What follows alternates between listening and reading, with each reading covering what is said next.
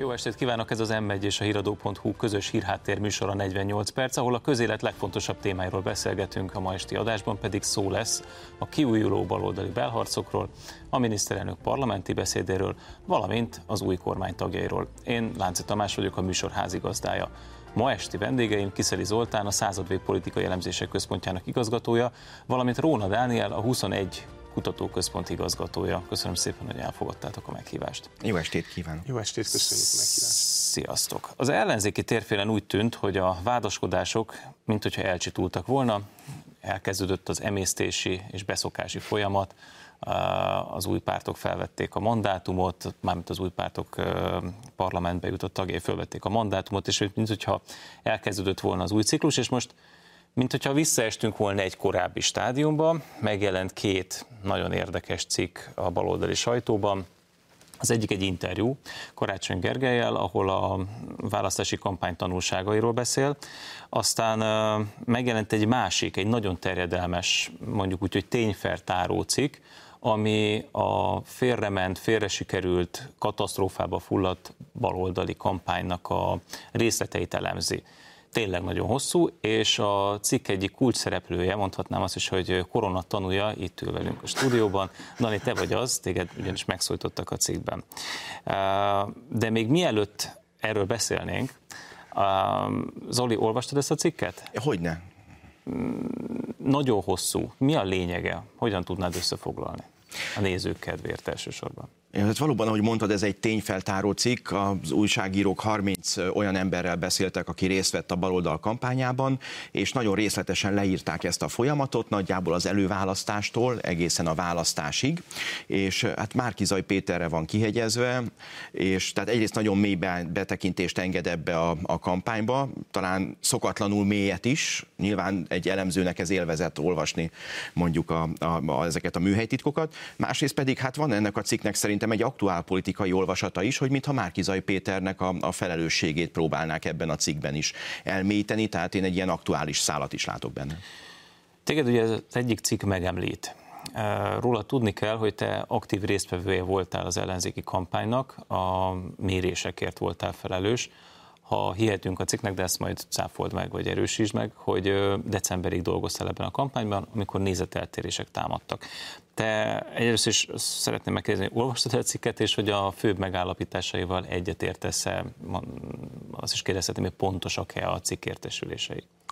Um, igen, az a értesülés pontos, hogy én novemberben és decemberben dolgoztam a központi kampánystábban, Márkizai Péternek, és közleménykutatásokért voltam felelős, tehát ezt a részét meg tudom erősíteni a baloldali jelző elhangzott, ugye Márkizai Péter egy jobboldali politikus, tehát én inkább az ellenzéki kampányt javasolnám, és ne, mint szóhasználat, és nem baloldali kampányt. Nem nyitunk szemantikai vitát, úgyhogy legyen akkor ellenzéki. Köszönöm. A cikknek nagyon sok állítása van, tehát most nem, nem gondolom, hogy így egyesével... De úgy összességében úgy érzed, hogy helytálló az a látlelet, amit ez a cikk nyújtott az ellenzéki kampányról, legalábbis amit te láttál belőle? Nem szeretném kibeszélni azt, hogy én mit láttam.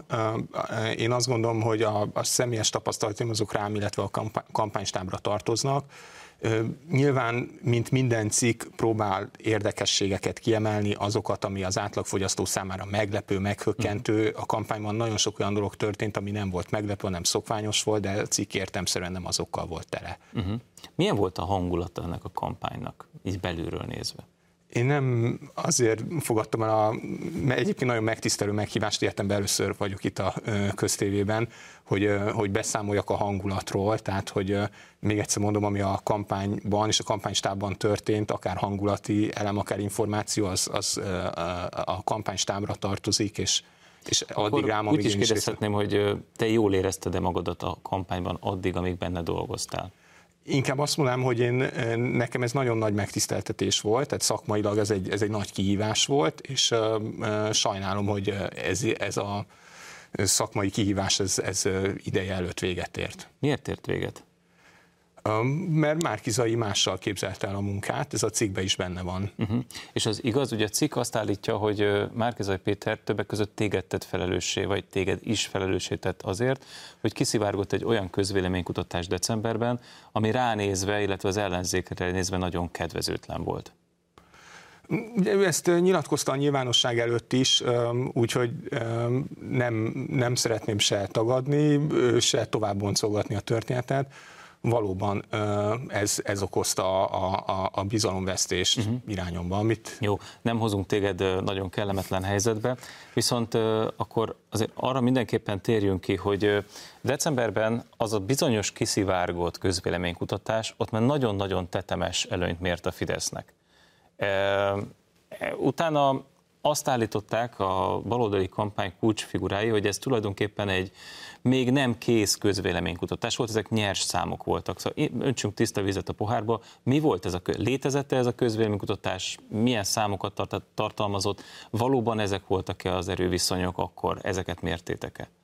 létezett a közélménykutatás, de ugye a cikkben is nyilatkoztam, ez nem pártpreferencia mérés volt, tehát más volt a célja. Nem az volt a célja, hogy megbecsülje, hogy hogyan áll a Fidesz és hogyan áll az ellenzék. Tehát ugyanakkor volt egy ilyen szám, ami Igen, igen, volt egy ilyen szám, ami az értelmezéshez hozzátartozott, de ez a szám az, az egy, nem egy végleges adat volt. Ha, a, ha tudtuk volna, hogy a nyilvánosságnak megy, akkor nem ezt a számot közöltük volna. Ha ez 46 ö, és 32, Fidesz és 32. Igen. Azért ez nem volt olyan nagyon távol attól a végeredménytől, ami született. Én azt gondolom, hogy a, az ellenzék akkor még nem állt ennyire rosszul. Ez a mérés ez november végén történt, az adatfelvétele. Ugye itt az ukrán háború az, az egy elég fontos esemény volt a kampányban, ami a Fidesz malmára hajtotta a vizet, és az ellenzék népszerűségét valószínűleg apasztotta. Tehát ha elfogadjuk, hogy annak jelentős hatása volt, akkor azt is be kell látni, hogy előtte még valószínűleg jobban állhatott az ellenzék. A medián, amelyik a legpontosabban jelezte előre a választási eredményt, a medián kutatása szerint 2021. októberében még fejfej mellett volt a Fidesz és a, a hatpárti ellenzék listájának a támogatottsága. Zoli, te itt a század végszíneiben vagy, a század vég is miért? Hogyan tudnád árnyalni ezt a képet? Mert ugye amikor a közvéleménykutatásról beszélünk, akkor mindig azt szoktuk mondani, ez olyan, mint a főzés, hogy mindenki tud halászlét főzni, csak mindenkinek más a receptje. Tehát azt lehet mondani, hogy minden intézetnek megvan az a maga metodikája vagy módszertana, amivel elvégzi a kutatásokat. Nyilván emiatt térhetnek el a, az egyes eredmények, tehát például ilyen, hogy a telefonos mintának a, a mennyiség, hogy hány embert kérdeznek meg telefonon és vagy személyesen is, illetve hogy hogyan súlyozzák ezeket a kérdéseket. Nyilván, ugye itt voltak mondjuk a 2002 óta a közvélemény kutató szakmának is van egy belső párbeszéd, egyébként a nézőknek is ajánlom, ez nem a mi intézetünk, hanem a másik a Nézőpont Intézet hozta létre a közvéleménykutatók.hu oldalt, ahol egyébként a régóta működő magyar közvéleménykutató cégeknek az eredményeit rendszeresen közlik, és van is egy szakmai párbeszéd, úgy a, a polgári jobboldali intézetek között is, mint, a, mint az összes magyar Közvéleménykutató Intézet között is, tehát ez nem csak nálunk van ez a, ez a vita, ugye emlékszünk a, a Brexit népszavazás előtt is, ugye az angol szászok is eltévesztették, a, a Trump megválasztás előtt is voltak Amerikában is hasonló problémák, ez mindig felvetődik választásról választásra, és ez a párbeszéd ez zajlik. Én azt mondanám, hogy a halászlét is máshogy főzzük, úgy a közvéleménykutatásoknál is más módszertant használnak az intézetek, és ezért térhetnek el az, az, az egyes mérések. Igen, előbb elhangzott, hogy novemberi volt ez a mérés, és az is elhangzott, hogy októberben még az előválasztásnak a, a csúcspontján, tetőpontján még fej-fej mellett volt ellenzék és Fidesz. Elképzelhető, hogy ilyen drámaian romlott az ellenzéknek az eredménye egyetlen hónap alatt. Még akkor is, hogyha elfogadom, hogy ezek nyers eredmények voltak, de hát azért mégiscsak ez 14%-os különbség, amit ti mértetek. Tehát, hogyha mondjuk ez még finomításra is került volna, még akkor is hát közel mondjuk 10% legalább kell, hogy mutatkozzon ellenzék és kormánypártok között. Mi történt abban az egy hónapban? Tehát október, az előválasztásnak a, a végeredmény és a, a végeredmény kihirdetése és a ti mérésetek között? Ez az értelmezés már szerintem közelebb áll a valósághoz, hogy valószínűleg már november hónapban is esett az ellenzék támogatottsága, de nem annyira, mint a, a nyers és nem publikálásra készült és nem végleges adatok mutatták. Én azt gondolom, hogy az előválasztás idején az ellenzéknek a média reprezentációja az, ha nem is tudta megközelíteni a Fideszét, de elég jelentős volt. És az ellenzéki szempontból az egy elég nagy siker volt, hogy sikerült kiválasztani 106 jelöltet és egy miniszterelnök jelöltet. Utána viszont novemberben elkezdődtek a problémák. Egyébként, ami az említett cikkben is van. Az ellenzéki kampány nagyon későn lépett működésbe, Fidesznek a kampánya viszont ezerrel pörgött, és az az óriási erőforrás fölény, amivel a Fidesz rendelkezik, az az első hatásait, már hát nem, nem is azt mondom, hogy az első hatásait novemberben, mert évek óta ez van, de hogy, hogy ahogy kampányüzemmódra váltott, az már éreztette a hatását. Ez csak azért furcsa, mert én nem emlékszem, hogy novemberben a Fidesz kampányolt volna, sőt, inkább egy ilyen furcsa állapot volt, amikor tulajdonképpen mindenki ízlelgette azt a tényt, hogy végül nem Karácsony Gergely lett az ellenzéknek a, a befutott miniszterelnök jelöltje, hanem Márkizaj Péter. És én emlékszem, hogy akkor több olyan beszélgetős műsorban voltunk, szerintem Zoli, te is fel tudsz ilyen alkalmakat idézni, amikor egyetlen ennek a ténynek a feldolgozása zajlott, és emlékszem, hogy jobboldali közösségekben egyébként kifejezetten volt egyfajta meglepődöttség, azt is mondhatnám, hogy izgalom hogy egy magát jobboldalinak való jelölt került a baloldal élére, hogy ez most mit jelent a Fidesz számára. Én nem emlékszem arra, hogy ott, hogy ott a, a Fidesz valami gőzhengerként nyomult volna előre novemberben. A Megafon nagyon sok 10 milliót, 100 milliót költött Facebookon, már novemberben is, Márkizai eltörölni a rezsicsökkentést, Márkizai Gyurcsány bábja, már akkor elkezdték megépíteni azt a történetet, amit a kampány során végvittek, tehát a negatív kampány igenis elkezdődött már akkor. Úgyhogy, úgyhogy szerintem ennek, ennek volt jelentősége, és annak, hogy az ellenzék novemberben még nem tudott egy, egy egységes szervezettel, egységes üzenettel kiállni, tehát az egyik oldalon volt egy határozott üzenet, még ha az elsőben negatív kampányban is nyilvánult meg, a másik oldalon viszont még helykeresés volt, és a csapat építése, uh-huh. és ugye a közvélemény ebből csak annyit érzékelt, hogy onnan nem jön semmi. Sokszor beszéltünk erről, októberben az előválasztás során valóban lendületet vett az ellenzék. Ugye Márkizaj Péter azt két dolgot ígért szerintem, amivel a második fordulóban jól tudott szerepelni. Az egyik, hogy egy ellenzékváltást ígért, azt mondta, hogy hát jön az új ellenzék, hogy leváltja, a, hogy mondta, hogy az MSZP-ben a korruptakat, meg akik nem akarják a változást, vagy más pártokban is.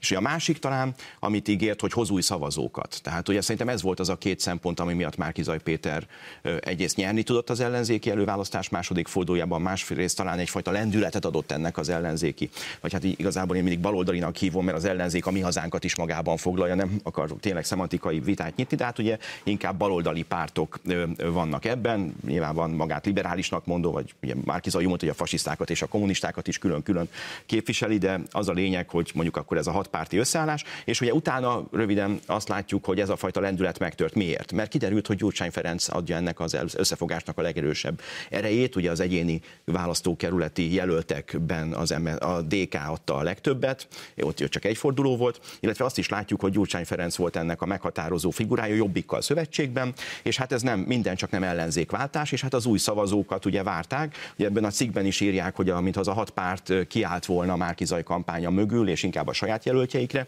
figyeltek, és ha röviden még két mondatban össze lehet foglalni, hogy szerintem miért akadt meg ez a kampány, itt ennél az asztalnál is beszéltünk már róla.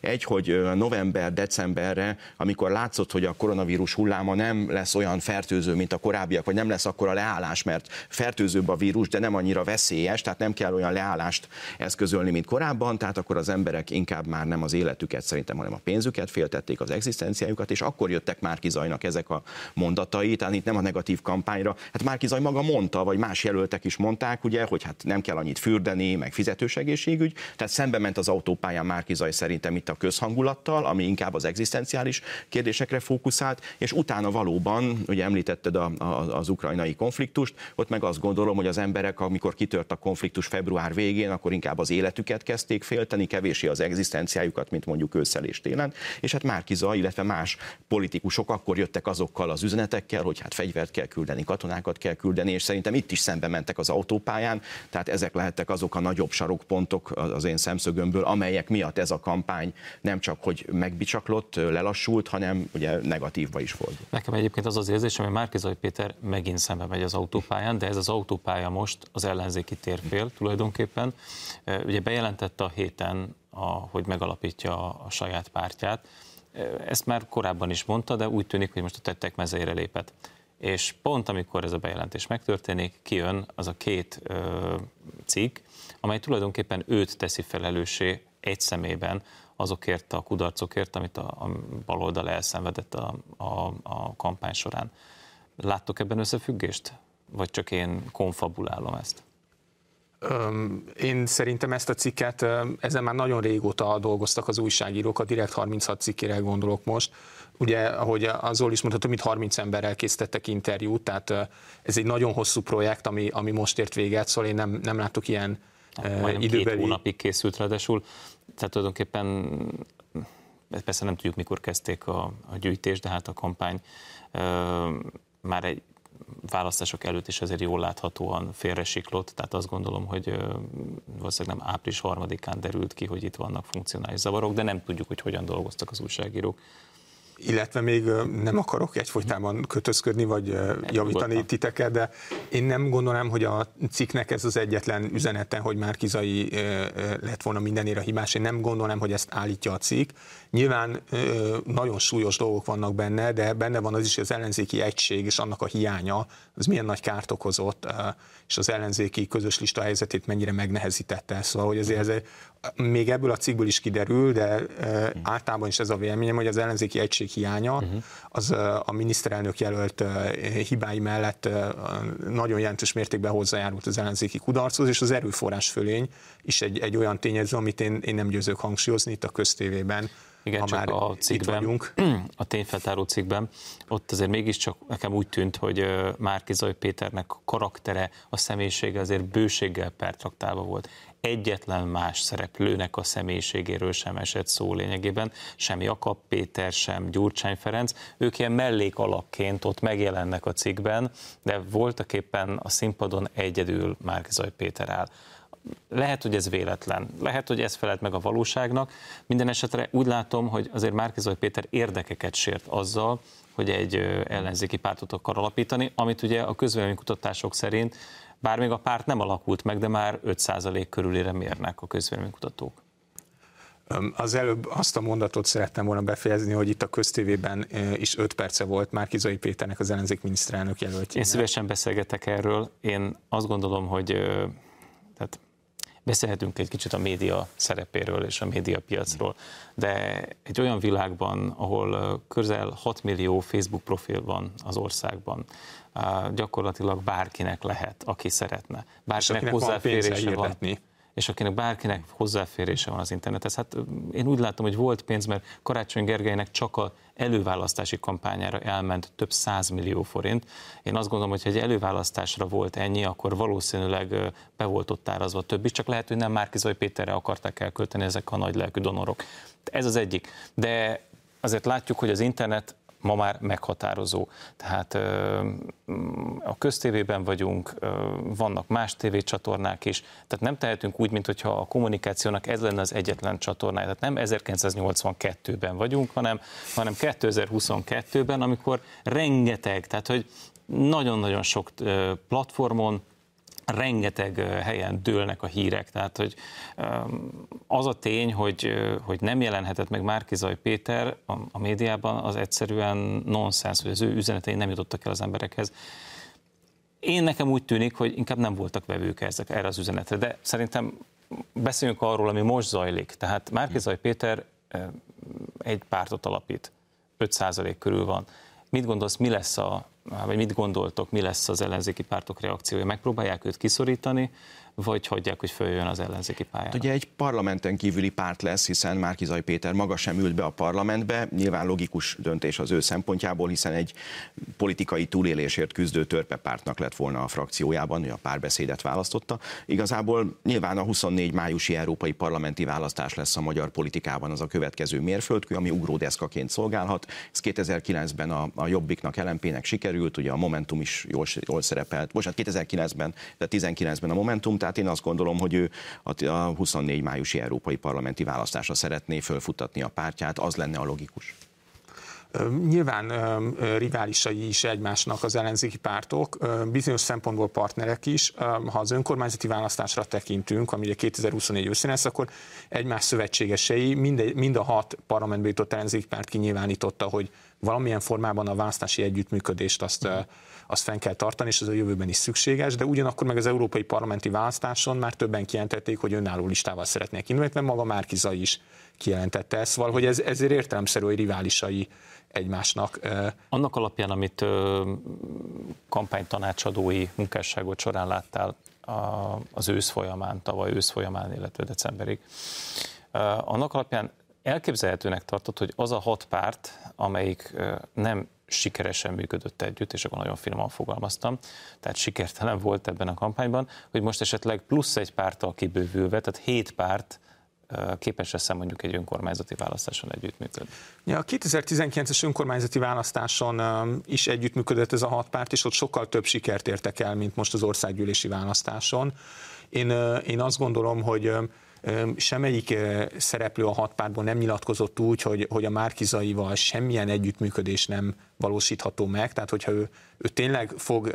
Paradox módon pont ebben a műsorban Márkizai Péter mondta egyébként, hogy szerinte Gyurcsány Ferenc vele nem akar összefogni. Nem vagyok egyiknek sem a szóvivője, meg a, a lelkükbe se látok, uh-huh. szóval ezt tőlük uh-huh. kell megkérdezned de én azt gondolom, hogy az ellenzéki térfén együttműködés kényszer van, és ilyen szempontból mindegy, hogy hatan vagy heten vannak. Hogyha az ellenzéki pártok közül valamelyik úgy gondolja, hogy majd egyedül le tudja váltani a Fideszt, anélkül, hogy a többivel együttműködne, ő mindenhol saját jelölteket indít, akkor a választási matematika a törvényszerűsége szerint nem fog egyéni jelöltben nyerni a 2026-os országgyűlési választáson, és a 2020-es önkormányzati választáson sem fognak nyerni a polgármester jelöltjei.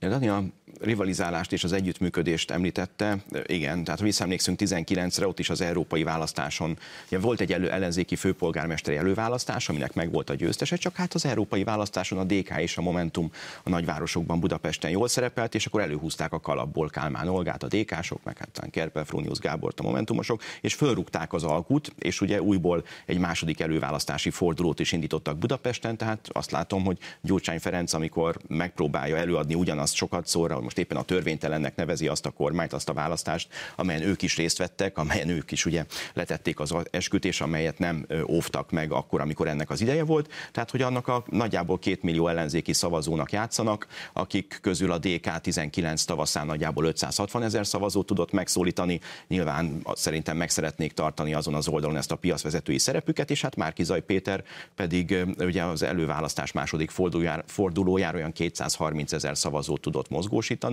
Ugye azt majd meg kell nézni, hogy ugye ezeknek az adatai talán, hogy, hogy, hogy, hogy elérhetőek-e számára, vagy nem, ez egy másik kérdés, ez egy technikai kérdés. Ő szerintem azt reméli, hogy ha ezt a 230 ezer szavazót ismét egy ellenzékváltó ígérettel meg tudja szólítani, akkor az már nagyjából elég lehet az 5% ra az európai választáson legutóbb ilyen 50% körüli, tehát a parlamentihez képest alacsonyabb. Ez nem ugyanaz a 22-es csapdája, hogy megszólít Márki Zaj Péter x százezer embert, azzal az ellenzékváltás ígéretével, amivel tulajdonképpen tavaly októberben is megnyerte az előválasztást, majd utána néhány hónap múlva megint oda kell állni ugyanazokkal a régi ellenzéki arcokkal egy színpadra, és kérni kell a támogatást az önkormányzati választáson. Hát ilyen az a választás, országgyűlési választási rendszer, amit a e, jelenlegi kormány többség megalkotott. De bocsánat, most az önkormányzatiról beszélek. Igen, csak hogy ugye... Az önkormányzatinál az... ott ugyanaz a rendszer van, mint volt. Igen, Semmi igen, változás ez, ez nem két... történt, és ott is együttműködési kényszer van. Csak nyilván ugye az országgyűlési a legfontosabb megmérettetés, hmm. és a pártok közötti viszonyrendszer. De az önkormányzati lesz előbb. Igen, csak a pártok közötti viszonyrendszer szerintem elsősorban az országgyűlési választási rendszer határozza meg, és másodszorban a, az önkormányzati, de igazad van abban, hogy, hogy az, az korábban is ilyen volt, meg nyilván egy városnak csak egy polgármestere lehet, és nyilván az lesz a polgármester, aki a legtöbb szavazatot kapja. Szóval, szóval, hogy igen, a választási rendszer arra kényszeríti őket, hogy, hogy együttműködjenek. De akkor ez egy, tehát ez végül is egy csapda helyzet, abban azt szerintem egyetértünk, nem? Foga, fogalmazhatunk így is, hogy, hogy nyilván szeretnének olyan szavazókat is megszólítani, aki a partnereiket nem szereti, ugyanakkor együttműködési kényszer van, szóval e, e, ebben egyetértek. Most egy rövid szünetet tartunk, de a beszélgetést a hírek után folytatjuk ugyanitt az m és a híradó.hu-n. Tartsanak velünk a második részben is.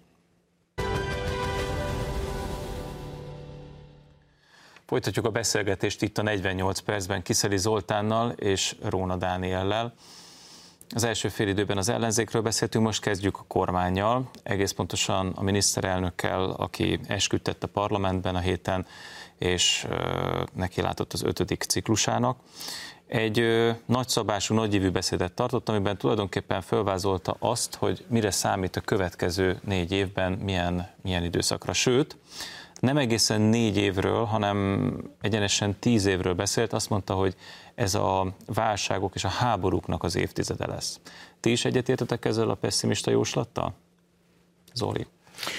Igen, tehát ha megnézzük azt, hogy mi zajlik körülöttünk, ugye az Unió tartósan le akar válni az orosz foszilis energiáról, illetve azt én Németországot figyelem ugye jobban, és ott már elkezdtek azon gondolkodni, hogy ha sikerül idézőjelben Oroszországról leválni, akkor a következő az, hát ha nem is leválás, de a kínai gazdasági függésnek a csökkentése. Tehát, hogy itt egy nagyon komoly szakaszhatárhoz értünk, mindig azt mondom, a globalizációnak a spontán szakasza véget de mi, Bocsánat, ennek mi köze a háborúhoz? Hát az, hogy a háborúban, ahogy Oroszországgal szemben sikerül Európának mondjuk az energiafüggőségét csökkenteni, amit mondanak, hogy, hogy együnk hetente egyszer húst, és akkor 4 milliárd köbméterrel kevesebb orosz gáz kell évente. Tehát, hogyha ezt sikerül Európának megcsinálni, akkor hamarabb válnának le az orosz energiáról, és ennek mintájára készülnek egyes körök Brüsszelben arra, hogy akkor esetleg a Kínának való gazdasági kitettségünket is hasonlóan csökkentsük. Tehát nagyon komoly konfliktusok várhatóak. Azt látjuk, hogy jelenleg az Oroszország elleni szankciókhoz a világ kisebb. A szankciók elvileg azért vannak, legalábbis ezt mondják az európai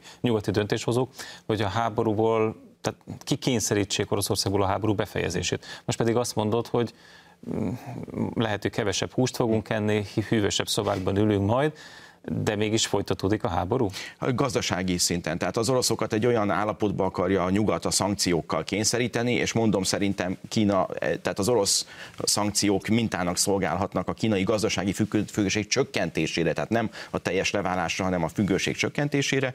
Tehát én ezt egy tesztnek látom, aminek az az eredménye, hogy Oroszország egy olyan helyzetbe kerüljön, hogy ne tudjon még egyszer egy olyan haderőt felépíteni, amelyel a szomszédait meg tudja támadni. Tehát ez egy tartós konfliktusnak a kezdete szerintem évtizedes konfliktus. Ugye itt gazdasági válság is ö, ö, valamilyen szinten van, és szerintem még nagyobb szinten lesz. Nagyon magas az infláció, úgyhogy, úgyhogy kétségtelen, hogy, hogy én szerintem egy nehéz helyzetben van a kormány, és egy nehéz helyzetre fel, kell felkészülnie. A kormány vagy Európa?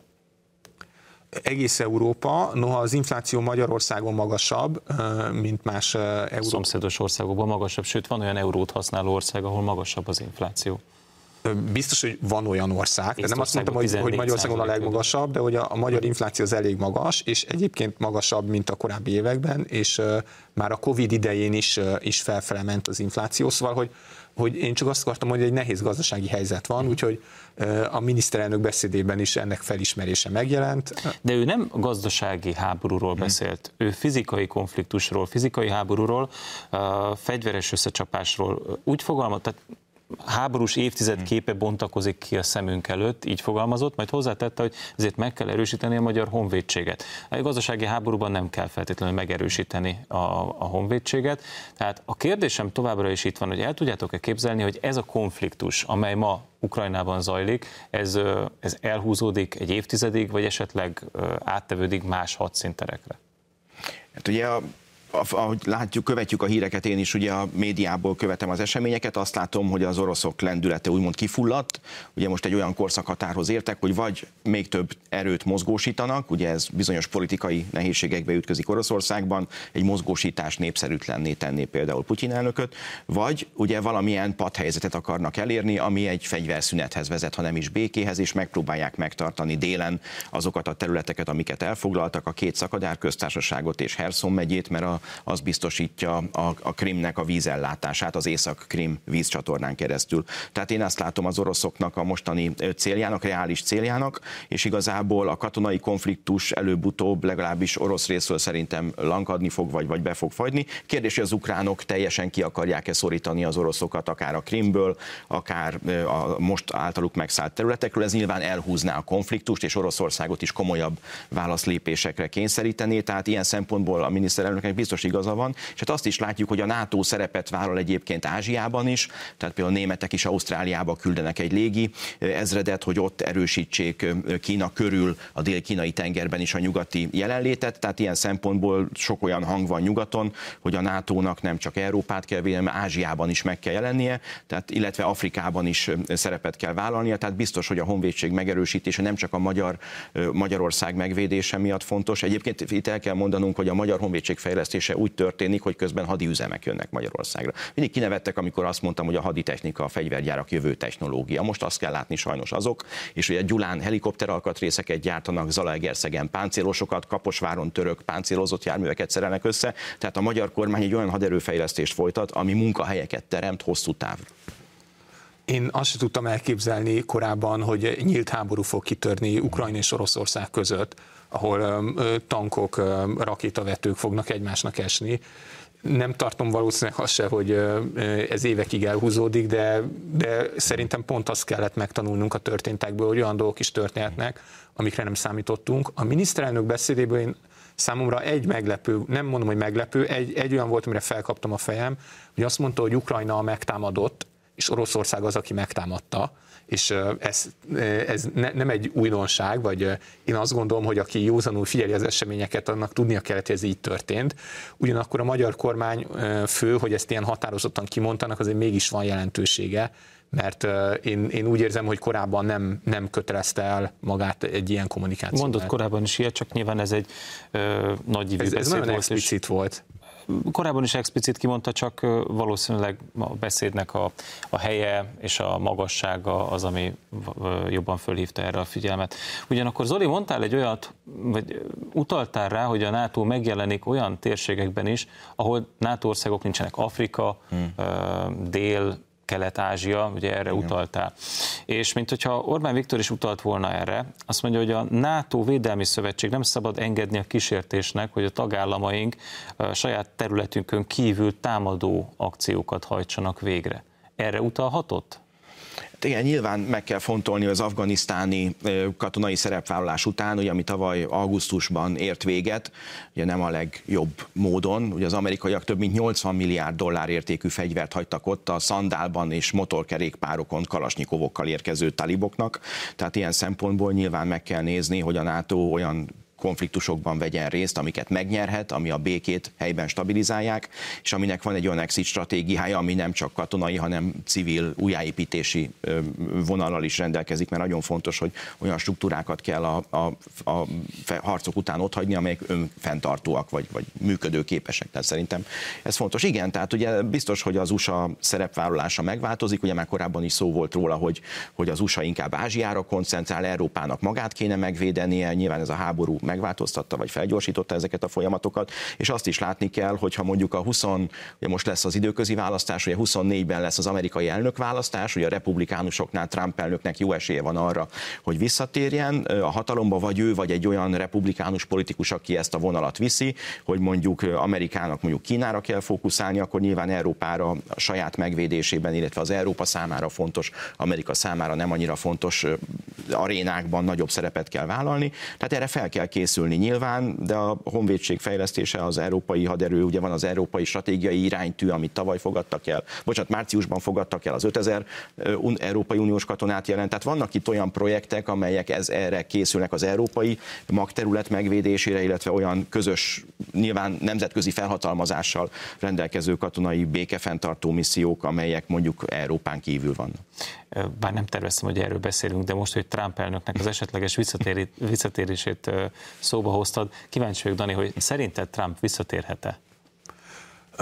Nem vagyok Amerika szakértő, de én azt látom, hogy igazából nagyon sok múlik azon, hogy ő ezt tényleg elhatározza komolyan a közélménykutatások szerint ő toronymagas esélyese lenne egy republikánus előválasztásnak. Egyedül a floridai DeSantis az, aki komolyan számításban jön jelen pillanatban, szóval azt gondolom, hogy ezt jó eséllyel megnyerni, ha pedig ő lenne a republikánusok elnökjelöltje, akkor, akkor teljesen reális esélye lenne. Szóval, szóval én azt gondolom, hogy, hogy ezzel számolni kell, és ez, ez abszolút benne van a pakliban csak a személyes érdeklődésemet ki akartam itt elégíteni. Volt, ez egy hosszú beszéd, amit Orbán Viktor tartott, és én nagyon-nagyon figyelmesen hallgattam, utána újból elolvastam, mert vannak benne olyan részek, amelyek, tehát bizonyos elemében megjelentek már a miniszterelnöknek korábbi megszólalásaiban is, de egy ilyen nagy rendszerben talán még nem. És eléggé nyíltan beszélt a szankciókról, és azoknak a káráról, illetve hasznáról. És tulajdonképpen azt mondta, hogy a szankciókat ötkörös, ugye eddig ötkör volt szankcióban, és ezek azt mondja, hogy elfogadtuk, nem azért, mert meg vagyunk győződve a hatékonyságukról, hanem azért, mert az Európai Unió része vagyunk, a NATO része vagyunk, és az egységet demonstrálni kell, fönn kell tartani, de tulajdonképpen jelezte, hogy a szankciók nem fognak működni. Sokat beszéltünk már a szankciókról, meg olajembargóról. Nekem úgy tűnik, hogy mintha tényleg az történne, amiről a miniszterelnök beszél, három hónapja zajlik a háború, három hónapja vannak szankciók, és mint hogyha inkább Európa szenvedne, és nem Oroszország. Szerintem Oroszország is szenved, vagy szenvedni fog. Ugyan rövid távon az, hogy az energiárak növekedtek, az az orosz gazdaságnak egy extra bevételi forrás, de nem fogja tudni olyan könnyen pótolni Oroszország a kieső európai megrendelőket. Tehát, hogy ha India vagy más ázsiai országnak akarják eladni a nyersanyagaikat, akkor ugye a csövet ki kell építeni, az infrastruktúrát meg kell teremteni, az ez nem megy egyik pillanatról a másikra. De nekünk se.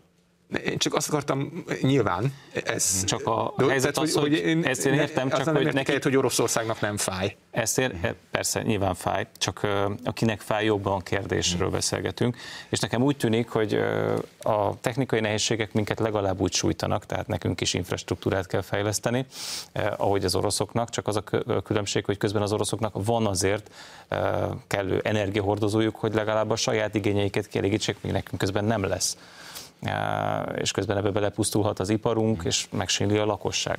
Ugye az oroszok azért már előre gondolkodtak, egyrészt ugye az északi áramlat 2, illetve Törökország felé a gázvezetékek kiépítése már azt a célt szolgálták, hogy Ukrajnát kikerüljék. Ugye hát a Jamál félszigetről kap Európa gázt, az északi áramlat 2 is onnan indul. Az oroszok építettek oda egy LNG gyárat, tehát egy, egy cseppfolyósító üzemet, ami az európaiak által át nem vett gázt cseppfolyósítja, illetve hát elkezdték onnan építeni az Észak, a Szibéria ereje kettő vezetéket Ázsia felé, ami pont akkor átmérő 55 milliárd köbméter per év, mint az északi áramlat 2, tehát hogyha nem veszik át a németek majd az északi áramlat 2 a gázt. Hát ez a vezeték még mondjuk egy év még megépül Kínába. Ugye kérdés, hogy a kínaiak, akik most nagy arányban szénenergiát, a szén alapú erőműveket használnak, hogy felépítik-e addigra a gázerőműveket. Hát három nap alatt felépítettek egy Covid kórházat, ha fontos nekik, talán tudnak gázerőművet is építeni. Tehát ilyen szempontból biztos, hogy egy nagy átrendeződés kérdés lesz. Én ugye írtam a mozgástéblogon, hogy azért az, hogy magasak az energiárak, az, az nem biztos, hogy, hogy Brüsszelben vagy, vagy más globalista döntéshozatali központ Davosban például mindenkit aggaszt, ugyanis ugye vannak ilyen klímavédelmi tervek, hogy ők nem a Covid előtti szintere akarják a fogyasztást vinni, hanem mondjuk ahhoz képest a harmadára, és a magas energiaárak felgyorsítják a klímacélok elérését, tehát hogyha mondjuk 15 euró a hús és a kiló hús, és amit nyáron Németországban prognosztizálnak, akkor hetente csak egyszer eszünk, az évi 4 milliárd milliárd köbméterrel csökkenteni az orosz gáz importot, ugyanis kevesebb műtrágya kell, kevesebb takarmány kell, és akkor ez azt jelenti, hogy mondjuk, hogy szépen ugye kevesebbet fürdünk, cicamosdás az mínusz 3 milliárd köbméter, és akkor ők úgy számolnak, hogy akkor, az, akkor mondjuk egyrészt versenyképesebb lesz az amerikai repesztéses technológiával nyert energia, ami környezetszennyező, de egy magasabb árszinten már versenyképes, illetve hát kevesebb energia fogy, amit már Kizaj Péter is mondott, Franz Timmermans is mond, és akkor a klímacélokat hamarabb sikerül elérni, ennek a magas energiaárak eszközei, plusz az infláció, amiről Dani is beszélt, ugye azért azt tegyük hozzá, hogy a magyar infláció azzal a 8 kal az unió átlaga, mondjuk Szlovákiában 12, Hollandiában is 13, Baltikumban már talán 15 százalék, ahol eurót használnak. Tehát ilyen szempontból a magas infláció nyilván a nagyon eladósodott országoknak, főként az eurózóna déli részének viszont azt, a, azt is elhozza, hogy az adósság gyorsabban olvad, pláne ha a központi bank ilyen lassan emeli az alapkamatát, ami most 0,5%-on van, miközben az uniós infláció az eurozónában 6-7-8%-on van, tehát itt az államadóság is gyorsabban olvad, hogyha, hogyha magasabb az infláció. Tehát az, hogy a Covid is csak felgyorsított bizonyos folyamatokat, például, hogy nem a plázákban vásárolunk, hanem az online áruházakban, úgy ez az energiaválság és a háború is felgyorsít csak folyamatokat, nem okozza azokat. Ugyanakkor bár beszéltünk arról, hogy gazdasági nehézségek jelentkeznek majd Európában, elsősorban a Covid elhúzódó hatása, másrészt a háború miatt, azért a magyar gazdaság egy nagyon jó negyedéves adatot produkált, 8,2 Európában ebben kiugróan jó adatnak számít. Ezzel megelőztük egyébként Németországot, Franciaországot és Olaszországot. Ketté szakadhat-e szerintetek Európa gazdasági szempontból, hiszen látjuk, hogy ott vannak a déli országok, amelyek egész egyszerűen, hát tulajdonképpen még a 2008-as gazdasági válságból se álltak talpra, a Covid aztán még lökött rajtuk egyet lejjebb, és tulajdonképpen ez a háború lehet, hogy beteszi a kiskaput, miközben itt azért Közép-Európában úgy tűnik, hogy tehát a magyar gazdaság mindenképpen képes hozni és teljesíteni, hozni a számokat és jól teljesíteni. Tehát, hogy látok egy olyan esélyt, vagy lehetőséget, veszélyt, hogy ketté szakad Európa gazdaságilag? Hát ez a ketté szakad az, szerintem azért nem pontos, mert már eleve sok felé szakadt, tehát nem most történik ez a folyamat, hanem évezredes, vagy nem tudom, nem, nem, nem tudom, hogy milyen hosszúra nyúlik vissza, tehát hogy az itt nagyon nagy különbségek vannak, és ugye nem csak azt kell nézni, hogy egy-egy negyed évben a gazdasági növekedés az hány százalék, hanem hogy a egyfőre jutó GDP, a lakosság egészségi állapota, az oktatás teljesítménye, és nagyon sok indikátort kell nézni, és hogyha ezeket nézzük, akkor a nyugat-európai országok és a skandináv országok, az északi országok, azok megelőzik a déli és a közép-kelet-európai országokat. Igen, ez biztos így van, hiszen ugye volt, ugye nem volt 40 év kommunizmus, illetve tudtak tőkét akkumulálni, amit itt a mi térségünkben 40 év alatt nem lehetett. Igazából biztos, hogy, hogy ez a gazdasági növekedés azért is van, ezt mindig el szokták mondani, mert ugye mi kevéssé vagyunk fejlettek, de szerintem most már ezek a hatások lassan nem biztos, hogy annyira fontosak. Én egy gazdaságpolitikát látom, ugye a Covid alatt a kormány olyan üzemeket hozott Magyarországra, ez fontos egyébként nem csak a fegyvergyárakat, amikről az első részben beszéltünk, hanem azért mindig elmondom, hogy azért olyan jövő technológiák érkeznek Magyarországra, amik, amik azért tartósan biztosítják talán a munkahelyeket és a növekedést az autógyárakra. Ha gondolunk az elektromos autó alkatrészgyárakra, akkumulátorgyárakra, ugye, ugye a németek is most már az elektromos autókat kezdik Magyarországon gyártani, tehát ilyen szempontból ezek olyan jövőbiztos munkahelyek talán, amelyek nem, nem csak mondjuk a benzines, dízeles korszakra vonatkoznak, hanem a következő elektromos vagy az azt következő hidrogén alapú közlekedési korsz. Most az elektromos nyilván az, ami most látszik,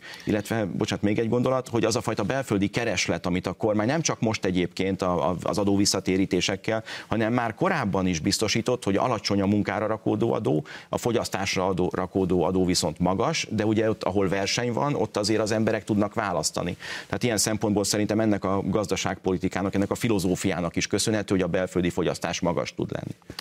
Uh a miniszterelnök a beszédében utalt arra, hogy te a Európa keleti és nyugati része között van egy ideológiai vita, ami talán egy, legélesebb konfliktust azt Magyarország és a Brüsszel vonatkozásában hozza.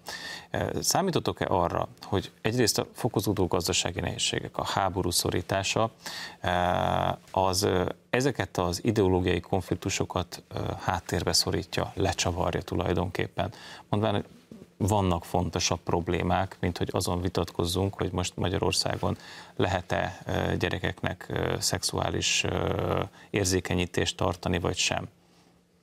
Én nem látom olyan jelentősnek az ideológiai különbségeket. Nyugat-Európában is különböznek egymástól a kormányok a, a tekintetben, hogy mit gondolnak a melegházasságról, mit gondolnak a, a világ különböző dolgairól, és Kelet-Európában sem ugyanolyan az álláspont ebben a kérdésben sem, és más kérdésben sem. Szóval én nem, nem Mert érzem, Magyarországot hogy, ezért, ezért állítják egyfolytában pellengérre. Miért pontosan? Hát ez mondjuk egy jó kérdés, hogy miért pontosan, de, de az érvelés az folyamatosan azt, tehát a, gyakorlatilag egy értékvita zajlik, ezt látjuk, hát elég elővenni ennek a, a legeklatánsabb példáját, ami a lavinát elindította, a Sargentini jelentés. Tehát az maga egy liberális tézisgyűjtemény, hogy ők milyennek látják Magyarországot, és aztán ez van kibontva újból és újból a, a, a, a mindig éppen soron, aktuál, a soron következő aktuális e, brüsszeli támadásban, ami Magyarország ellen irányul. Én azt látom, hogy a legfrissebb kötelezettség, kötelezettségszegési eljárás is korrupciós tartalmi elemek miatt indult, és nem amiatt, hogy a melegházasságot, vagy az LMBTQ propagandát, amit én azért idézőjelbe tennék, azt hogyan szabályozza a magyar kormány. Nem a Brüssz, Brüsszel, én inkább úgy mondom, hogy az Európai Unió és Magyarország közötti konfliktusok azok nem ideológiai természetűek. Értem, csak olyan pénzek elköltésével kapcsolatban regisztráltak korrupciót, amit ide se adtak. Um, akkor ezek szerint mégiscsak korrupciós nézeteltérés van, és nem, a kötelezettségszegési eljárás nem mégiscsak csak, arról szól, és nem, nem pedig nem a... csak, nem csak, de a, azért gondolom, hogy, tehát, hogy nehéz úgy korrumpálódni, hogy a pénz nincs nálad, tehát ha ide se adják, tehát, ide se adják, hát rendben, de hogyha valaki hmm. korrupciót észrel, akkor egyébként erre vannak eljárások, visszafizetési Azt kötelezettség a származik. Ami, ami Magyarország vissza, visszafizetési kötelezettség származik, de az egésznek végső soron egy ö, a, azt mondja, egy életmódvita van a mélyén. Tehát, hogy a magyarok nem úgy, nem úgy szeretnének úgy élni, ahogy az Brüsszelben előírják. Én, Aztán én, ezt, én ezt átfordítja, Hát akkor ebben nem fogunk egyetérteni, Zoli. Én, én, én is azt gondolom egyébként, hogy miután jóléti ajánlat már nem jön Brüsszelből, ugye utaltam arra, hogy az energiaárak magasan tartásával, az infláció fűtésével igazából egy Covid előttihez képest életszínvonal csökkenés az, ami szerintem Brüsszelben a terv. El kell olvasni Klaus Schwab könyvét, és akkor az ember felvilágosul.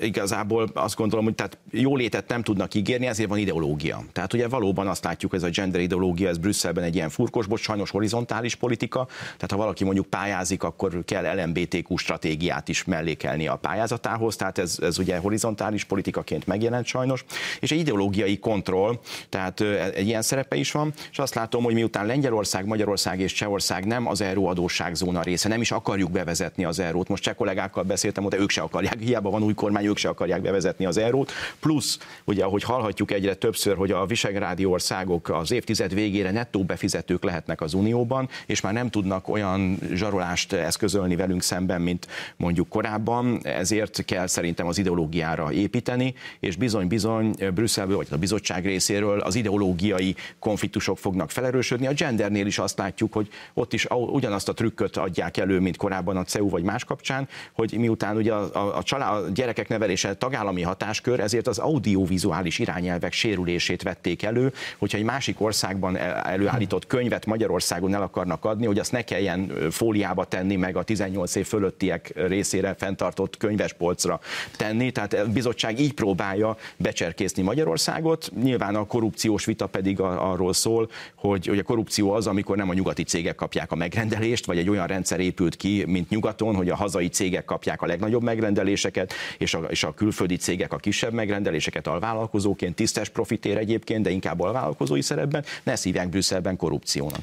Reagálhatok röviden arra, amit az Zoli mondott? Egyetlen mondatban, csak azért, mert van még egy témánk, és mindenképpen kíváncsi vagyok a véleményetekre. Nem csak, hogy nem az van, hogy az Európai Unió ide küld meleg lobbistákat, hanem eddig... Ezt egy, én nem is mondtam. Eddig egyetlen olyan emberről tudok, aki nyíltan vállalta a melegségét és a pedofiliáját, és idejött Magyarországról, Milo Janapopoulos, akit Schmidt Mária hívott ide, és az ő alapítványa rendezte ezt az eseményt. Egy előadást tartott, közeli. egy előadást tartott, és hazament. Igen. Csak hogy tisztázzuk, és hogy ő nem több millió forintot kapott tőle.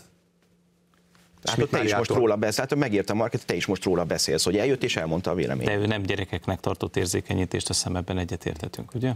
Igen, ő nyíltan mondta, hogy a pedofilia az egy, az egy olyan dolog, ami, ami nem elítélendő. De nem Magyarországon mondta ezt.